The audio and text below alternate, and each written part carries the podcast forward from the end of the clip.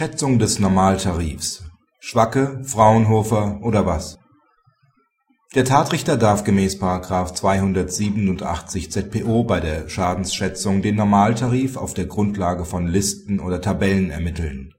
Werden gegen die Schätzungsgrundlage jedoch konkrete Mängel eingewandt, die sich auf den Einzelfall auswirken, so muss der Tatrichter dem nachgehen die Beklagte hatte auf die Mietwagenrechnung, die sich auf 1.770,80 Euro belief, vorgerichtlich einen Betrag von 753 Euro gezahlt. Über den Differenzbetrag erhob die Klägerin Klage. Die Beklagte wandte gegen den Schwacke-Mietpreisspiegel 2006 als Schätzungsgrundlage konkrete Mängel ein und zeigte deutlich günstigere Mietwagenangebote auf das Amtsgericht hat der Klägerin unter Klageabweisung im Übrigen nach Einholung eines Sachverständigengutachtens lediglich einen weiteren Betrag in Höhe von 126,80 Euro zugesprochen. Auf die Berufung der Klägerin hat das Landgericht die Beklagte verurteilt, an die Klägerin den gesamten Differenzbetrag zu zahlen. Auf die zugelassene Revision der Beklagten hat der BgH das landgerichtliche Urteil aufgehoben und die Sache zurückverwiesen der BgH weist darauf hin, dass der Tatrichter bei der Bemessung des Schadensersatzanspruchs nach § 287 ZPO besonders frei gestellt sei.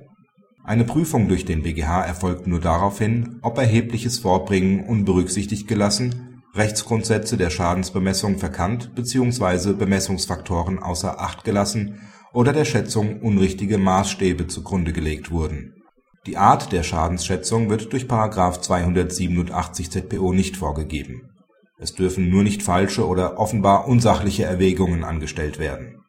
Demgemäß hat der BgH mehrfach darauf hingewiesen, dass der Tatrichter gemäß § 287 ZPO auf Basis des Schwacke-Mietpreisspiegels 2006 schätzen kann, was aber gerade nicht bedeutet, dass eine tatrichterliche Schätzung nach Fraunhofer oder nach dem Mittelwert zwischen beiden rechtsfehlerhaft wäre einer Klärung bedürfen die jeweiligen Listen, wenn konkrete, sich auswirkende Mängel vorgetragen werden.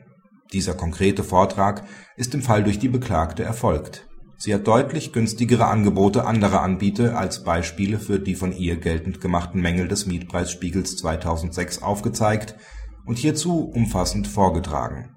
Hiermit hätte sich das Landgericht auseinandersetzen müssen, ebenso wie zu dem konkreten Sachvortrag gegen die Vergleichbarkeit des angemieteten Ersatzfahrzeugs der Erforderlichkeit der Zustellkosten und dem Aufschlag für die Winterreifen.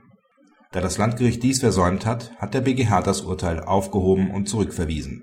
Praxishinweis In der Sache enthält das Urteil nichts Neues. Es ist aber gleichwohl interessant, weil darin noch einmal die Grundsätze einer revisionsrechtlichen Überprüfung zusammenfassend dargelegt worden sind.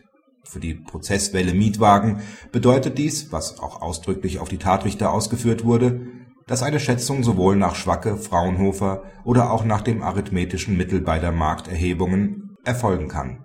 Auch weist der BgH darauf hin, dass der Tatrichter sich, wenn konkret und fallbezogen gegen eine Tabelle vorgetragen wird, nicht mit dem pauschalen Hinweis auf die Tabelle begnügen kann, sondern den Einwendungen auch nachzugehen hat. Ein Hinweis des BgH, der durchaus angebracht ist